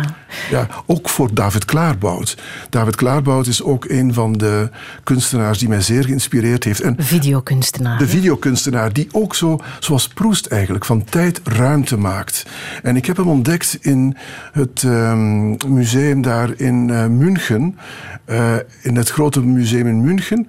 Waar ik onder andere zag hoe in zijn videowerk de, de bladeren van de bomen bewogen, maar de personages stilstonden, of was het omgekeerd. En dat, dat, dat, dat heeft op mij een immense indruk gemaakt. Ik denk dat ehm, ook daar weer die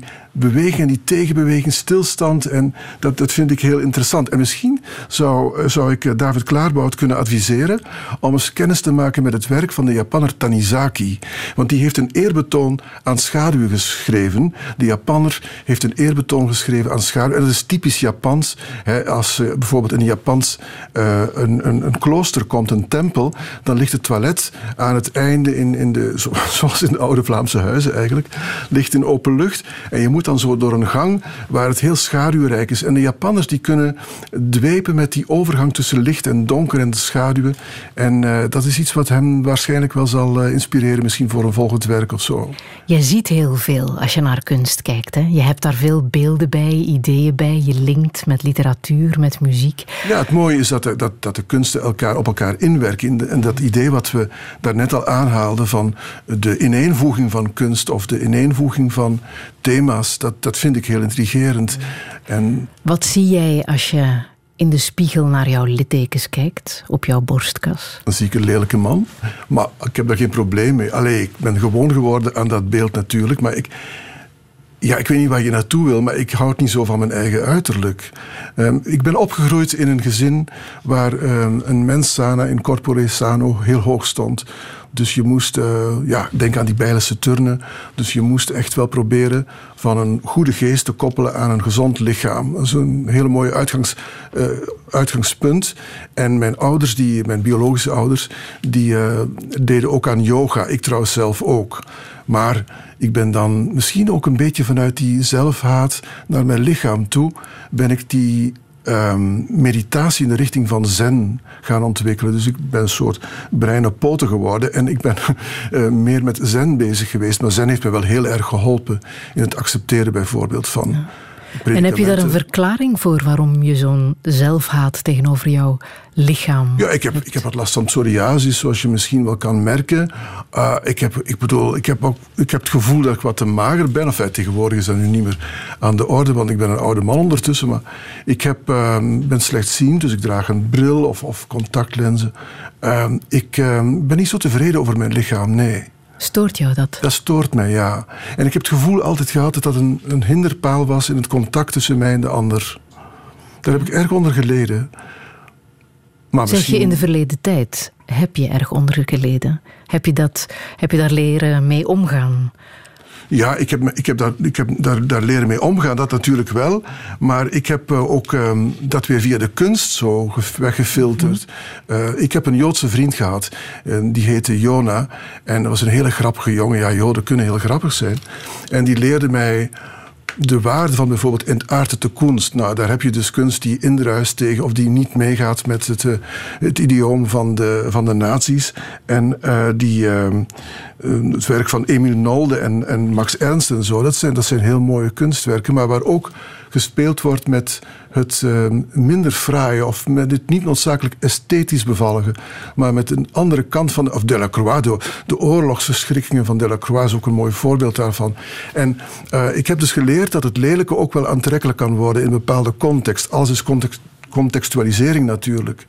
Dus ik denk dat ik. Uh, ja, ook in mijn poëzie veel kwijt kon. Ik kon alles wat in de liefde niet lukte, of wat uh, dan mislukte door misschien die lichamelijke beperkingen, kon ik in de poëzie wel kwijt. Mm. En ik uh, ben ook heel blij dat de poëzie bij mij gebleven is. Dat ik niet op een bepaald moment was uitgekeken op die verzen, maar dat ze bij me gebleven zijn. Mm.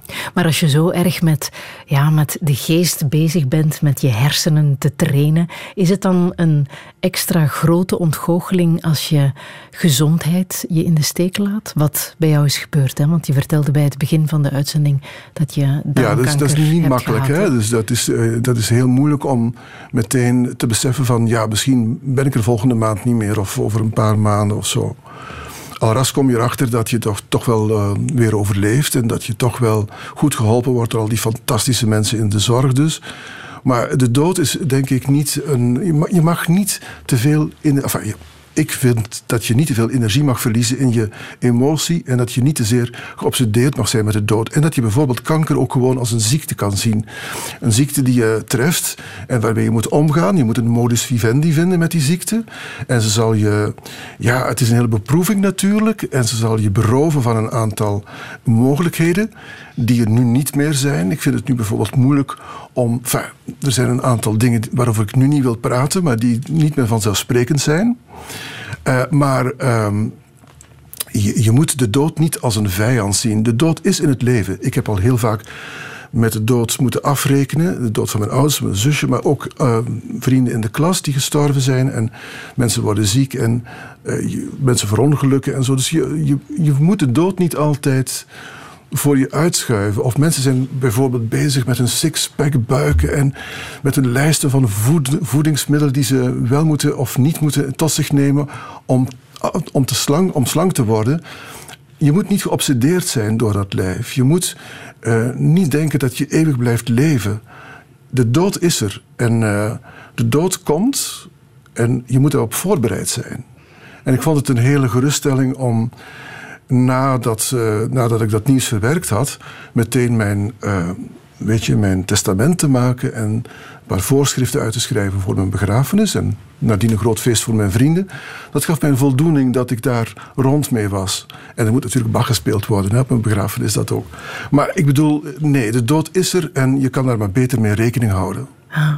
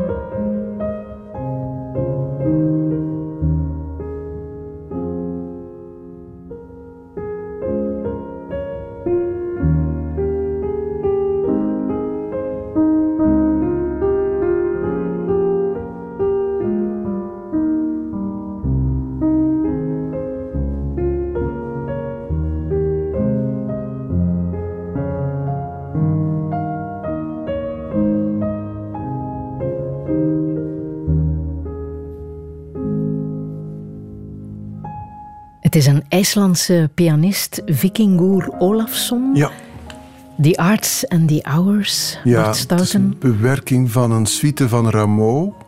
Het is een hele ja, voorzichtige benadering van hem. Maar ik vind hem op dit ogenblik de beste pianist die ik ken. Het is ook een soort minimalisme, mag ik dat zo ook? Jawel, ja, dat, eh, dat mag je zo noemen. Ik, ik, moet, ik hou niet zo van die term minimalisme, omdat mij dat doet denken aan repetitieve muziek waar ik, waar ik wat minder... Enfin, alles is, heeft zijn plaats natuurlijk, ook in mijn wereld. Hè, maar ik denk het ergste wat je kan hebben in muziek is mu- muzak van een luchthavenrestaurant of zoiets. En, en waar ik dan aan denk is inderdaad een grote vleugel en een concertzaal of zo, met de, de flikkering van het geheim eh, eventjes zo voelbaar. En dat is wat hier gebeurt, vind ik wel. Kijk, je kan met heel weinig noten kun je heel veel bereiken. En het hoeft niet altijd indrukwekkend te zijn, of je kan, eh, je kan orkestrale middelen inzetten, zoals Beethoven. Dat is natuurlijk ook fantastisch. Hè? En, en daarmee een bepaald eh, contrast realiseren met momenten van verstilling of zo, zoals eh, in zijn symfonieën. Maar dit is echt wel naar de, de kern van hoe muziek bijna stilte wordt. Is- Quietism, zou dat beter ja, passen? absoluut. Ja, ja, ja. Dat is een term die ik van jou heb geleerd trouwens. Ja, quietisme. Maar ja, nu als je quietisme zegt, dat is een voor mij heel dierbare term. Omdat ehm, die toch weer eh, hele mooie essenties raakt in het werk van Marcel Proust. En ook natuurlijk Schopenhauer. En ehm, het is ehm, Beckett die de term eh, quietisme gebruikt heeft of gevonden heeft in het werk van Schopenhauer, lezend in die high style van Schopenhauer. Dat is fantastisch om te En hoe lezen. zou je het uitleggen? Ja, quietisme is eigenlijk een ketterse vorm van mystiek. Hè? Een ketterse vorm van Een ketterse mystiek. vorm van mystiek. Dus in het quietisme probeer je zo passief mogelijk je op te stellen. Dus je, wil niet, je gaat niet bidden, je gaat niet proberen één te worden met God via het gebed. Je stelt je heel passief op en je hoopt dat het goddelijke je gaat vullen. Je zou kunnen zeggen, we wachten wel af tot de betekenis van de kosmos naar ons toe komt of zoiets. Maar quietisme is een term die voorkomt in het werk van Schopenhauer. Dus de, wiele als, eh, de, wiele als, de Welt als Wiel Voorstelling, zo is het. En dat is geschreven, en daar begin ik erover, in een briljante stijl, waarmee ik onlangs ook kennis heb gemaakt. En die ehm, Marcel Proust ook heeft geïnspireerd. Net zoals de stijl van Henri de Bergson, die trouwens familie was van hem, hem geïnspireerd heeft. En als je passages leest, eh, Friedel, bij Bergson, over de schildpadden die op de Galapagos uit het water komen en in functie van het opkomend getijde hun eieren uitbroeden, opdat de jongeren, wanneer ze geboren worden, op tijd naar de zee terug kunnen lopen, dan is het helemaal de toon van Proust. Dat is Proust, Marcel Proust en Harry de Bergson, dat, dat kun je op elkaar leggen. En ook een beetje Schopenhauer, want eigenlijk is Proust herschreven Schopenhauer. Maar dat quietisme, dat inspireert Beckett vooral om rustig te worden. Beckett is een jongen die ehm, ook een beetje alcoholiek is op bepaalde momenten van zijn leven, hartproblemen heeft en daarvoor in behandeling gaat. En hij probeert dus hij heeft ook last van zijn, zijn, zijn moeder die onmogelijke eisen stelt. En hij probeert dat quietisme op een heel persoonlijke manier te implementeren in zijn leven. Maar ik heb er ook zelf veel aan gehad, aan quietisme. In de misschien een beetje eigen interpretatie dan van een zo rustig mogelijk je opstellen. Als je bijvoorbeeld dat kankeroordeel krijgt. Ga niet in die emotie. Probeer je rustig te houden. Doe wat je moet doen. Laat je op die transportband van eh, de ene handeling naar de andere eh, brengen. En blijf rustig. Mag ik zeggen dat je dat ook in jouw leven, jouw manier van leven hebt doorgetrokken? Want je leeft heel sober, hè? Ik leef Spartaans, ja. Spartaans Ik heb zelfs. bijvoorbeeld thuis op dit moment geen verwarming, dus ik leef heel, ja, Echt? ik eh, leef heel Spartaans. En ehm, dat helpt mij om mijn geest scherp te houden. Als ik opsta, dan, mijn dag is goed gestructureerd, zoals ik zei, dan schrijf ik een aantal uren. En ehm, dat kan ik alleen maar wanneer er geen afleiding is, wanneer er geen warme temperatuur is, wanneer er geen, geen weet ik veel, alcohol of, of andere dingen in de buurt zijn. Wat is er wel in jouw woonplek? Nou, er is gewoon een tafel en een stoel en een, een hele kleine tafel zelfs. Want Dat ik heb, eh, ja, die kleine tafel heb ik een beetje afgekeken van Emily Dickinson. eh, een van mijn favoriete dichteressen. En die schreef aan een heel klein tafeltje. En dan denk ik, ja, zo moet je het doen. Je moet niet, je moet niet jezelf niet... Of, eh, je moet... Ik praat altijd van- vanuit mezelf. Hè. Ik weet niet hoe andere schrijvers dat doen, maar ik wil me niet laten afleiden door te veel comfort. Dat is niet nodig. En hoe ver gaat dat dan? Wat is er niet bij jou? Wij hebben een er geëquipeerde keuken. We hebben dressings die uitpuilen van te veel Ik heb een heel kleine keuken, dus veel koken doe ik al niet. En als ik kook, zijn het, eh, maak ik slaatjes of zo. Dus Ik, ik kan niet echt, eh, ben niet echt eh, een culinair wonder, ben ik niet. Maar ja, ik heb dus mijn, eh, mijn schrijfgerij, ik heb een computertje, ik heb een bed en that's it. Bibliotheekje? En ja, ik heb twee mooie bibliotheken. Van Dat wel, fictie en non-fictie en ook een, een poëziebibliotheek. Dat heb ik wel. Ja.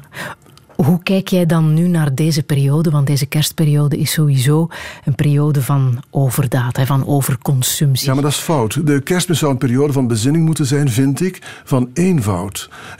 Christus die naakt geboren, enfin, in alle eenvoud geboren wordt. Dus waarom mogen wij dan dus niet omgaan met die eenvoud? Waarom kunnen wij dat niet als een uitdaging zien? Waarom kunnen we dat niet? Maar ik denk omdat we ehm, gewoon ons leven als een kerstboom behangen met drukte en met rijkdom en met mooie spullen. En dat hoeft voor mij niet. Ik vind eh, dat echt. ehm, dat belet het contact van jou met datgene wat ik aanhaalde als afdalen naar de diepte. Dus de essentie, de eidos, om het filosofisch te zeggen, wordt daardoor eigenlijk ehm verdonkermaand. En dat wil ik niet. Ik wil echt contact aanknopen met de essentie zelf. Walter Cronkite heb ik ontmoet, denk ik nu opeens. En dat is een man... Grote NBC De grote eh, journalist. Ja, was het de CBS? Of CBS, ja. Ja, die ontmoette ik tijdens een eh, symposium over nieuwsverslaggeving. Eh, in begin jaren tachtig was dat, geloof ik. En het was heel grappig, want Walter Cronkite werd natuurlijk door al die journalisten bestormd, want die wilden contact met hem, de fotografen stonden rond hem. En Walter Cronkite kwam naar mij en mijn toenmalige vriend Frank en die zegt... Zou je het erg vinden dat ik mijn broodje aan jullie tafel opeet? Want het was middagpauze. En wij wisten natuurlijk niet wat we meemaakten. Wij waren...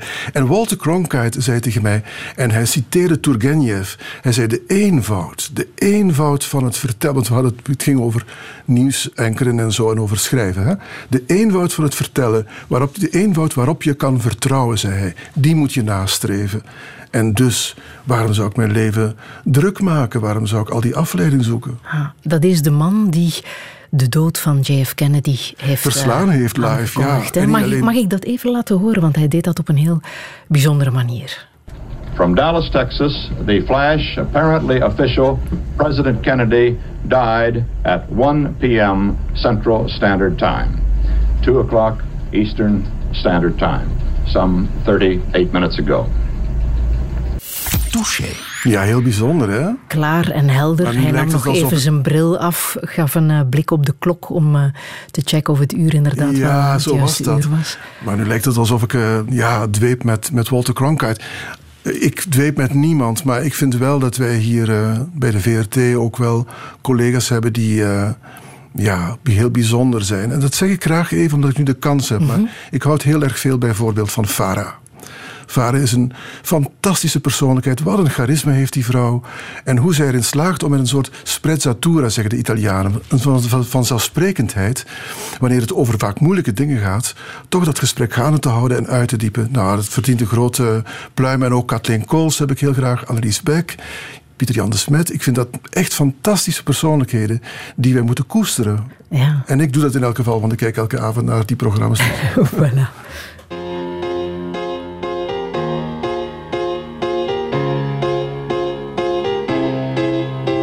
De wind streelt mijn haren van nevels Latijn en stuift langs mijn mantel van sneeuwhermelijn. En boven alle bergen zal ik heersen over het bergendal met adem van sneeuw en met ijzel van eeuwen.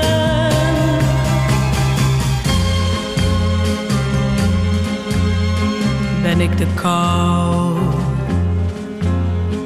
Ben ik het ijs?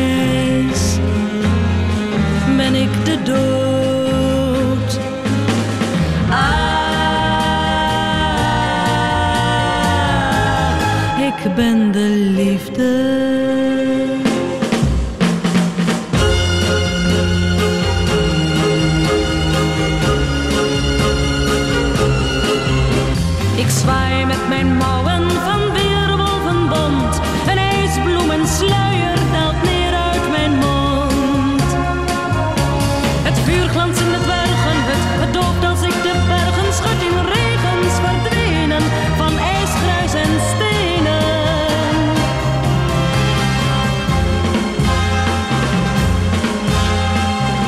de kou? Ben ik het ijs? Ben ik de dood?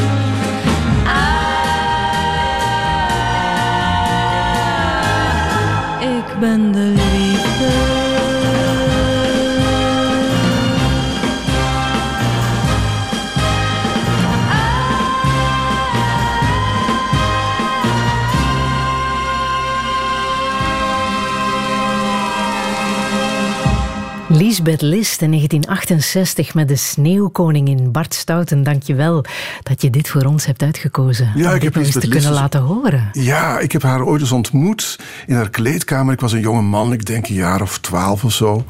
En dat was een leuke ontmoeting. En achteraf heeft ze nog een briefje geschreven uit de Roommolenstraat in Amsterdam, waar ze toen woonde. Ja, ik weet het nog. je Ja, kijkt van- verliefd, Bart. Ja, verliefd vooral ook op die, die samenkomst van mooie verzen van Cees Notenboom, zeker. Hè? Ja, ja. En eh Lisbeth List, ja, ja, ja. ja, ja. Zij heb- zingt Ik ben de liefde. Ik ben de liefde, ja. Mhm. Waarom zou ze dat zo zingen? Oh, dat is mooi dat je dat zegt eigenlijk, ja. Want we zijn de liefde. We denken altijd eh, dat... En de liefde faalt vaak wanneer het eh beminde object... eh, niet beantwoordt aan de verwachtingen enzovoort. En wanneer die afstand te groot blijkt om eh, te resulteren in een blijvende relatie. Maar de liefde zit toch echt wel... Dat ga je ontdekken als je wat ouder wordt. Heel diep in jezelf. En de illuminatio, want we hadden het net over quietisme. Waarop het verdiept filosoferen eindigt. Dat is trouwens een hele eh, heikele kwestie, want eh, de schepper kan je in, in die geest van de, ehm, van de filosoof ook een eh, genademoment geven. Maar de illuminatio, dat is het moment waarop je gaat inzien, waarop de mystici inzien dat de liefde, dat zij zelf de liefde zijn. En je kan dan nu weer eh, vergezocht voelen, maar, of vinden, maar het is wel de liefde die je als een orgel kan bespelen en die je kan motiveren om bijvoorbeeld aan het kind, aan het bed van een ziek kind eh, te gaan voorlezen of je, je mama te helpen. Mijn mama is 99 jaar geworden, mijn, mijn pleegmoeder, en ik heb haar tot de laatste dag in het zorgcentrum van Zoutleeuw elk weekend bezocht. En dus de liefde kan heel veel dingen doen. eh, en je, je motiveren tot mooie zaken. Maar je ontdekt op een bepaald moment dat je de liefde zelf bent. Ik ben de liefde. Hoe ervaar jij de liefde? Wel, ik ervaar de liefde natuurlijk in het, op zijn mooist wanneer ik schrijf. Wanneer ik schrijf en het woord komt naar mij toe, het woord, ik vind het woord en de personages komen tot leven en het boek is mij aan het vertellen waarvan ik hoop dat het, is me iets moois aan het vertellen, dan, dan, dan ervaar ik grote liefde. Ik ben nu een boek aan het schrijven over Lissabon en over de poëzie in mijn leven. Ik heb het natuurlijk over Herman de Koning en ik heb het over Pessoa, maar ook over Herberto Helder en heel veel anderen. En over de plaats van de poëzie in mijn leven. En dat werk is zich toch ja, dat is zoals à la prima, zeg je eh, in de schilderkunst. Hè. Eh, je schildert een laag, dan laat je die droog worden, dan ga je weer een andere laag, enzovoort. En zo komt dat boek naar mij toe. Maar dan heb je het over eh, een kunstvorm en niet over jouw geliefde. Ja, Staat dat geliefde bestaat natuurlijk wel. Dat is mijn Ja. vriend, die ik al 39 jaar ken. En die ontmoet ik elke dag twee uur. En dat is niet zoveel, maar ik vind een zekere gedoseerdheid, daar is de liefde bij gediend. Ja? Je moet niet constant dag en nacht bij je, vind ik, hè, alweer, hè, bij je liefde zijn. Je kan beter een bevoorrecht moment reserveren voor die ontmoeting. En bij mij is dat met, met mijn vriend tussen 7 uur en 9 uur s'avonds of 10 uur. Wat is dat dan? Is dat dan zuinige liefde? Of, of... Je kan dat zuinige liefde vinden, maar voor mij is dat een feest, zoals gezegd. Hè. Voor mij is dat een liefde die eh, zich eh, kan toespitsen op zijn mooiste kant. Dat betekent dat er geen overtolligheid is van plichtplegingen, van redundanties, van zaken die niet aan de orde, enfin, die niet toe doen en zo. En ehm, ja, je komt tot een heel bijzondere vorm van liefde als je weet die liefde te concentreren, denk ik, hoop ik. Je liet het daar net ook al eh, even alsof- alsof je het niet vallen. gelooft. Hè? Ik ben aan het denken aan iets wat je zei bij het begin van de uitzending. Dat platonische liefde ook iets is dat dicht bij jou ligt. Ja, platonische liefde, oh ja, dat is iets wat heel dicht bij mij ligt. En soms kan het gebeuren dat je bijvoorbeeld, of dat een heteroman op mij platonisch verliefd wordt, dat is pas mooi. Dus, maar vaak ook omgekeerd, hè, dat ik verliefd word op een eh heteroman, maar dan op een platonische manier. Dat is de mooiste liefde, denk ik wel. Ja? dat denk ik wel.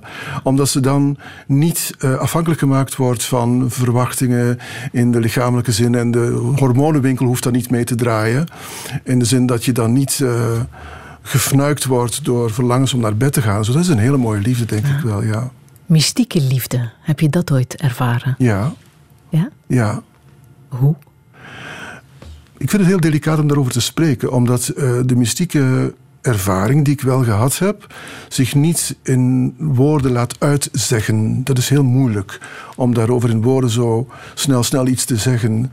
Maar ik heb wel ooit eh, een moment beleefd waarop ik dat eh, in contact ben gekomen met, met een mystieke vorm van liefde. Ja. Maar nogmaals, ik vind het moeilijk om daar. Ik kan dat misschien wel in gedichten, in poëzie, in proza, dus noods ook nog, maar hier zo op Radio 1, ik vind het moeilijk. Maar het is wel de essentie van het leven, denk ik, volgens jou, hè? Absoluut. De liefde. Absoluut. En die liefde vind je ook als je Bach speelt bijvoorbeeld, hè, op een orgel. Dan, dan, ja, dan kun je die liefde ook hoorbaar maken. Dat is de galm die van de ene muur naar de andere zijn weg zoekt. Dat is liefde. Ja. We moeten niet altijd denken dat liefde te maken heeft met de inlossing of de bevrediging van een gedefinieerd verlangen. Het kan ook het onbekende zijn dat groot is, dat ons, het magnum mysterium dat ons overweldigt. Dat is liefde, denk ik. Begrijp je ook de drang naar liefde, de hunkering van zoveel mensen naar die ene grote. Ja, die is heel groot. En als ik ehm, de, de daklozen zie in, in de straat, of de jongen die naar mij toe komt en een, een muntje vraagt, dan, dan lees ik die liefde ook in zijn blik. Liefde is, er is heel veel liefde die, die geen antwoord krijgt. En we kunnen toch proberen er iets aan te doen. Maar ik vind ook, we leven in een tijd, nu je dat zegt, Friedel, waarin die ik hier en nu generatie, hè, die, die mensen bekijken elkaar niet eens meer. Als ik naar de, de supermarkt loop, dan kom ik een heleboel mensen tegen die naast mij doorkijken of naar de grond. Of, ik, kijk, me- ik probeer mensen wel vaak aan te kijken, ook niet altijd natuurlijk, maar ik, ik vind dat wel belangrijk dat je dat contact zoekt. En het gebeurde me gisteren nog dat een man die aan het wachten was, misschien herkent hij mij, dat zou kunnen, maar een man die aan het wachten was aan het, aan de, aan het zebrapad, die begon met mij te praten. En dat is toch fantastisch, twee onbekenden die met elkaar praten. En dan kan die liefde misschien daar opborrelen, of je weet het niet, hè? Wachten, dat doen we ook niet meer, hè? Ja, wachten op wie? Op Godot? Ja. nee, wachten. Eh, wachten doen we Ja, we, zijn, we leven in een hele ongeduldige tijd. Het ongeduld is een van de grote euvels van deze tijd. Dat alles maar opgesneld wordt, dat alles maar sneller en sneller gaat. En dat we inderdaad niet meer willen wachten. En wachten is een kunst ook, denk ik. Je moet je over, wachten is een je overgeven aan het onbekende. Want ja, je kan wachten, je kan weten waarop je wacht, maar je kan ook wachten op iets dat je nog niet kent. En wachten is ruimte creëren voor de kosmos om dat in te vullen. Dus En ja, jij er goed in, in wachten? nee, ik ben in niks goed, maar ik probeer het wel. Ik probeer het wel. Ik probeer wel de stilte op te zoeken. Ik probeer, van, ik probeer Spartaans te leven. Ik probeer nu met jou een mooi gesprek te doen. Ik probeer een mooi gedicht te schrijven. Maar fallor ergo sum. Hè. Ik, ik besta, dus ik faal. Zo keert Beckett eh, Descartes om. Dus ja, je bent als een mens, faal je. Maar je probeert toch het zo goed mogelijk te doen. En dat is wat ik eh, ook eh, eigenlijk ook als een devies hanteer, ja. Jij bent een treinreiziger, hè? daar hoort ook vaak wachten bij. Ja, wachten in grote mooie stations zoals in Kyoto in Japan. Dat is een prachtig station. Ja, ja. Wachten is vaak inderdaad een, een uitdaging voor je, ja, je esthetische indrukken en zo. Hè. Dus dat Jouw is, station is het station van Antwerpen. Ja, maar ik ga je wat vertellen. Ik heb altijd een notitieboekje bij me. Ja, nu even niet. Vandaag even niet in de veel. zak. Maar normaal heb ik een notitieboekje bij me. En eh, ik vind zo'n momenten nooit verloren tijd als ik ergens moet wachten. En ik noteer indrukken van wat zich aan mij voltrekt, eh, wat, wat ik observeer, wat ik zie, dingen die ik gehoord heb. En dat heb ik ook geleerd van Peter Handke, die trouwens, die ik persoonlijk ontmoet heb. Een hele mooie ontmoeting met Peter Handke. En die mij geleerd heeft. Nobelprijswinnaar, hè? Wat zeg je? Nobelprijswinnaar Ja, literatuur. ja. En, en die mij geleerd heeft dat je niet... Je moet je als schrijver niet verplicht voelen om alleen maar mooie zinnen te schrijven. Sommige zinnen mogen ook best onaf zijn. En we hadden het over het lelijke in de kunst. Hè, of over hoe je moet omgaan met je uiterlijk en zo. Wel, ik eh, noteer dan zinnen die niet af zijn. Die heel slordig zijn. En s'avonds herwerk ik die. Maak ze heel mooi. Zou nu... ehm, hoe heet die... Ehm, is een van mijn favoriete Amerikaanse auteurs. Ben even zijn naam kwijt. Maar dus ja, je kan dus een, een hele lelijke zin kun je heel mooi maken. Door ze eindeloos te herschrijven. Maar Peter Handke zegt dan nee, je kan soms een onaffe zin gewoon laten staan. En dat is misschien wat ik vaak doe als ik s s'avonds die aantekeningen bekijk. Dan denk ik van ja, ik weet niet goed waarom ik dat zo geschreven heb. Maar het heeft wel iets. Ja, liever een essay van Peter Handke dan een spannende page-turner? Het was Philip Roth trouwens die ik eh, zocht. Eh, ja, een spannende page-turner. Nee, daar houd ik ook wel van. Ja, toch ja, wel? daar houd ik ook wel van. Ja, ja, tuurlijk wel. En ik hoop ooit eens een keer een spannende page-turner te schrijven. Ik weet niet of me dat ooit gaat lukken. Maar dat zal wel mooi zijn.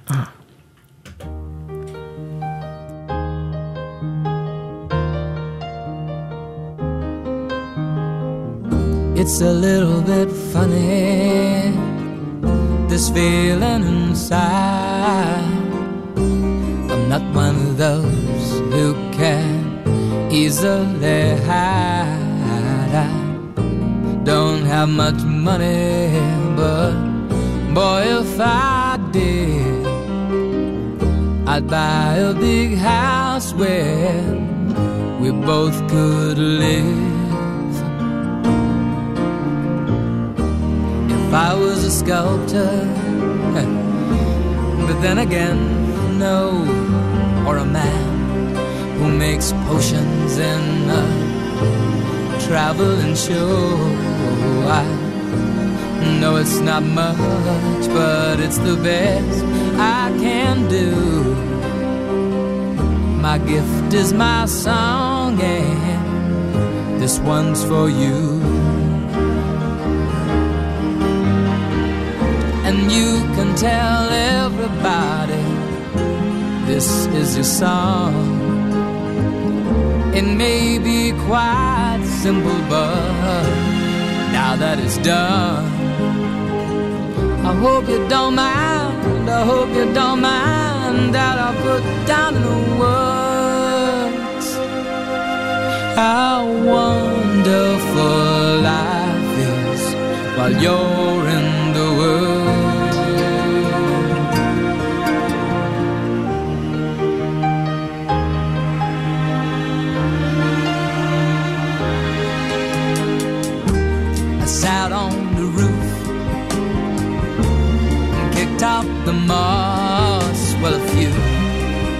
of the verses, well, they've got me quite cross.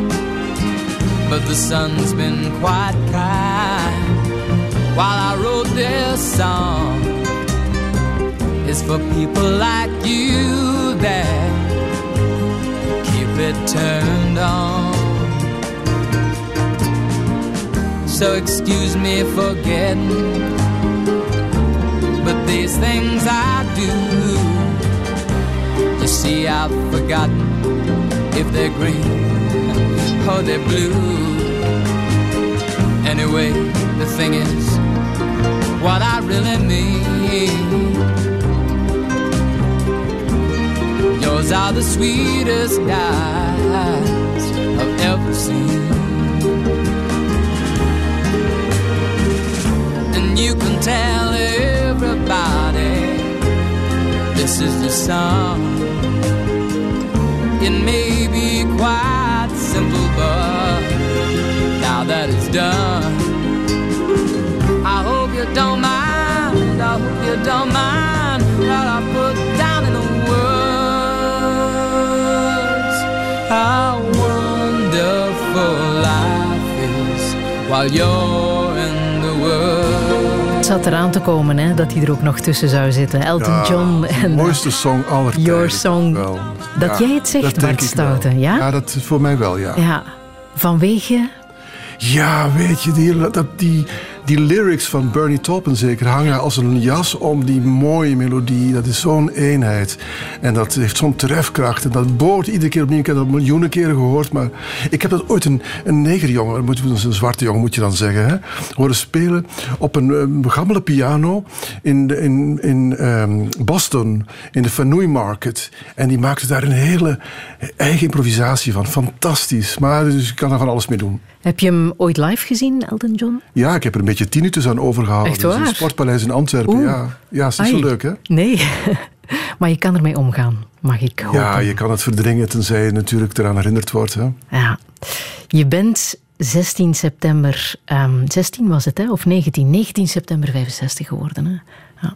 Ben jij blij met de tijd waarin je je tijd hebt kunnen besteden?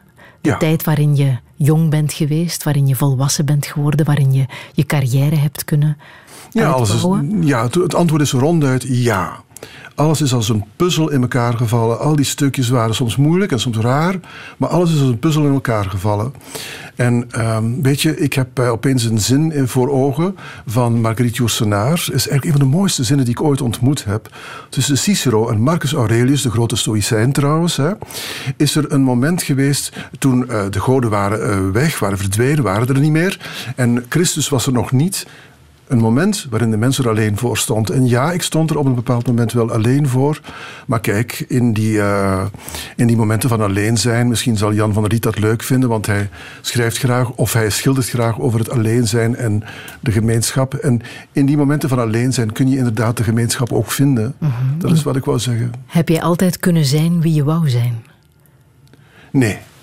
Ik heb een hele moeilijke periode gehad waarin dat niet lukte, maar ik ben wel geworden wie ik in wezen was. Dus ik ben geworden wie ik wilde zijn, dat wel. Ja, als je geduld hebt, als je wacht, dan komt het. Ja, en dat is natuurlijk ook als je de juiste mensen ontmoet hè, en de juiste omstandigheden. Ik wil trouwens even zeggen dat ik ehm, heel veel dank verschuldigd ben aan Leo Perard, mijn eh, uitgever in Leuven. Die man die zo'n fantastische dingen voor poëzie doet. Hè. Heel de wereld poëzie komt naar, naar, naar Vlaanderen via, via Leo eigenlijk. En ook mijn uitgever eh, Rudy van Schoonbeek bij Vrijdag, die me ook de kans geeft om al die mooie teksten uit te geven. Ja, en die je nog meer kansen geeft. Want ik vermoed dat er nog wel wat boeken zitten aan te komen. Hè. Wat zou je echt nog willen en schrijven? eh, Ik eh, heb leven? allerlei plannen. Zoals gezegd, ik ben bezig met een boek over Lissabon. Maar ik wil echt nog eens ooit een page-turner misschien schrijven. Waarin echt hele ongebreidelde gedachten worden eh, ge- tot expressie gebracht. En waarin ik eindig in een Siddhartha-achtig moment. Ik weet niet, maar dat moet zeker zo'n soort boeddhistisch-achtig afdronkje hebben. Dat voel ik wel. Maar wat het gaat worden, weet ik niet. Je liet mij weten iets over jouw verborgen verlangens. Dat maakt mij natuurlijk heel erg nieuwsgierig. Ondertussen heb ik al zoveel verlangens op Radio 1 geformuleerd, dat er weinig verborgen verlangens over zijn misschien. Maar weet je, het, het verlangen is altijd, het ene verlangen drukt tegen het andere. En het wordt altijd een groter verlangen. En het eindigt misschien in een verlangen naar het allerhoogste, weet ik veel. Dat, dat Wat is kunnen. dat volgens jou? Het allerhoogste. Oh, dat zullen we ooit wel te weten komen wanneer we al die elf dimensies eh, kunnen doorschouwen. Ik denk dat eh, de kwantummechanica nog een aantal verrassingen voor ons in petto heeft. Weet ik veel, ik ben geen kwantummechanicus, maar ik denk dat het wel zo zal zijn dat je, eh, ja, dat je ooit wel contact krijgt met die andere dimensies. Dat denk ik echt wel. Zullen we dat nog meemaken? Nee, misschien niet in eh, dit, dit kleine leven, maar wie weet in welke hemisfeer wel. Welke boodschap wil jij nog meegeven? Tot Mensen slot. bekijken elkaar. Wat ik daarnet zei. Hè? Het is leuk om snel door de stad te chasen met de step, maar stop eens. Praat eens met elkaar. Vraag eens aan, aan de ander hoe het gaat met, met hem of haar. Het, het, lijkt, het lijkt nu alsof ik eh, een, een pastoor ja, ben die, die zo gauw een preekje... Maar het, het- ik meen dat wel. Mensen zijn te zeer op zichzelf ge- gefocust en vinden te weinig ruimte om te polsen naar het geluk van anderen. En dat heb ik echt. Ik vond het zo mooi in de kliniek toen al die fantastische mensen in de zorg, ik kan het niet genoeg herhalen. En die erg begaan waren met mij, voortdurend ehm, ja, met mij praten en polsten naar hoe ik me voelde en ook naar de filosofie in mijn leven en zo. Maar dat was fantastisch. En ik begon ook hen te ontdekken en hun hobby's en hun ideeën over geluk. En dat Iedereen was een silver lining van heel die moeilijke periode. Ja. Zullen we eindigen met eh, een stukje uit eh, het tweede pianoconcert eh, van Camille Saint-Saëns? Ja. Ook een jarige, hè? Ah, Twee ja. dagen geleden 100 geworden. Absoluut. Tenminste 100 geworden. We hadden iets te vieren. Toen was hij 100 jaar gestorven.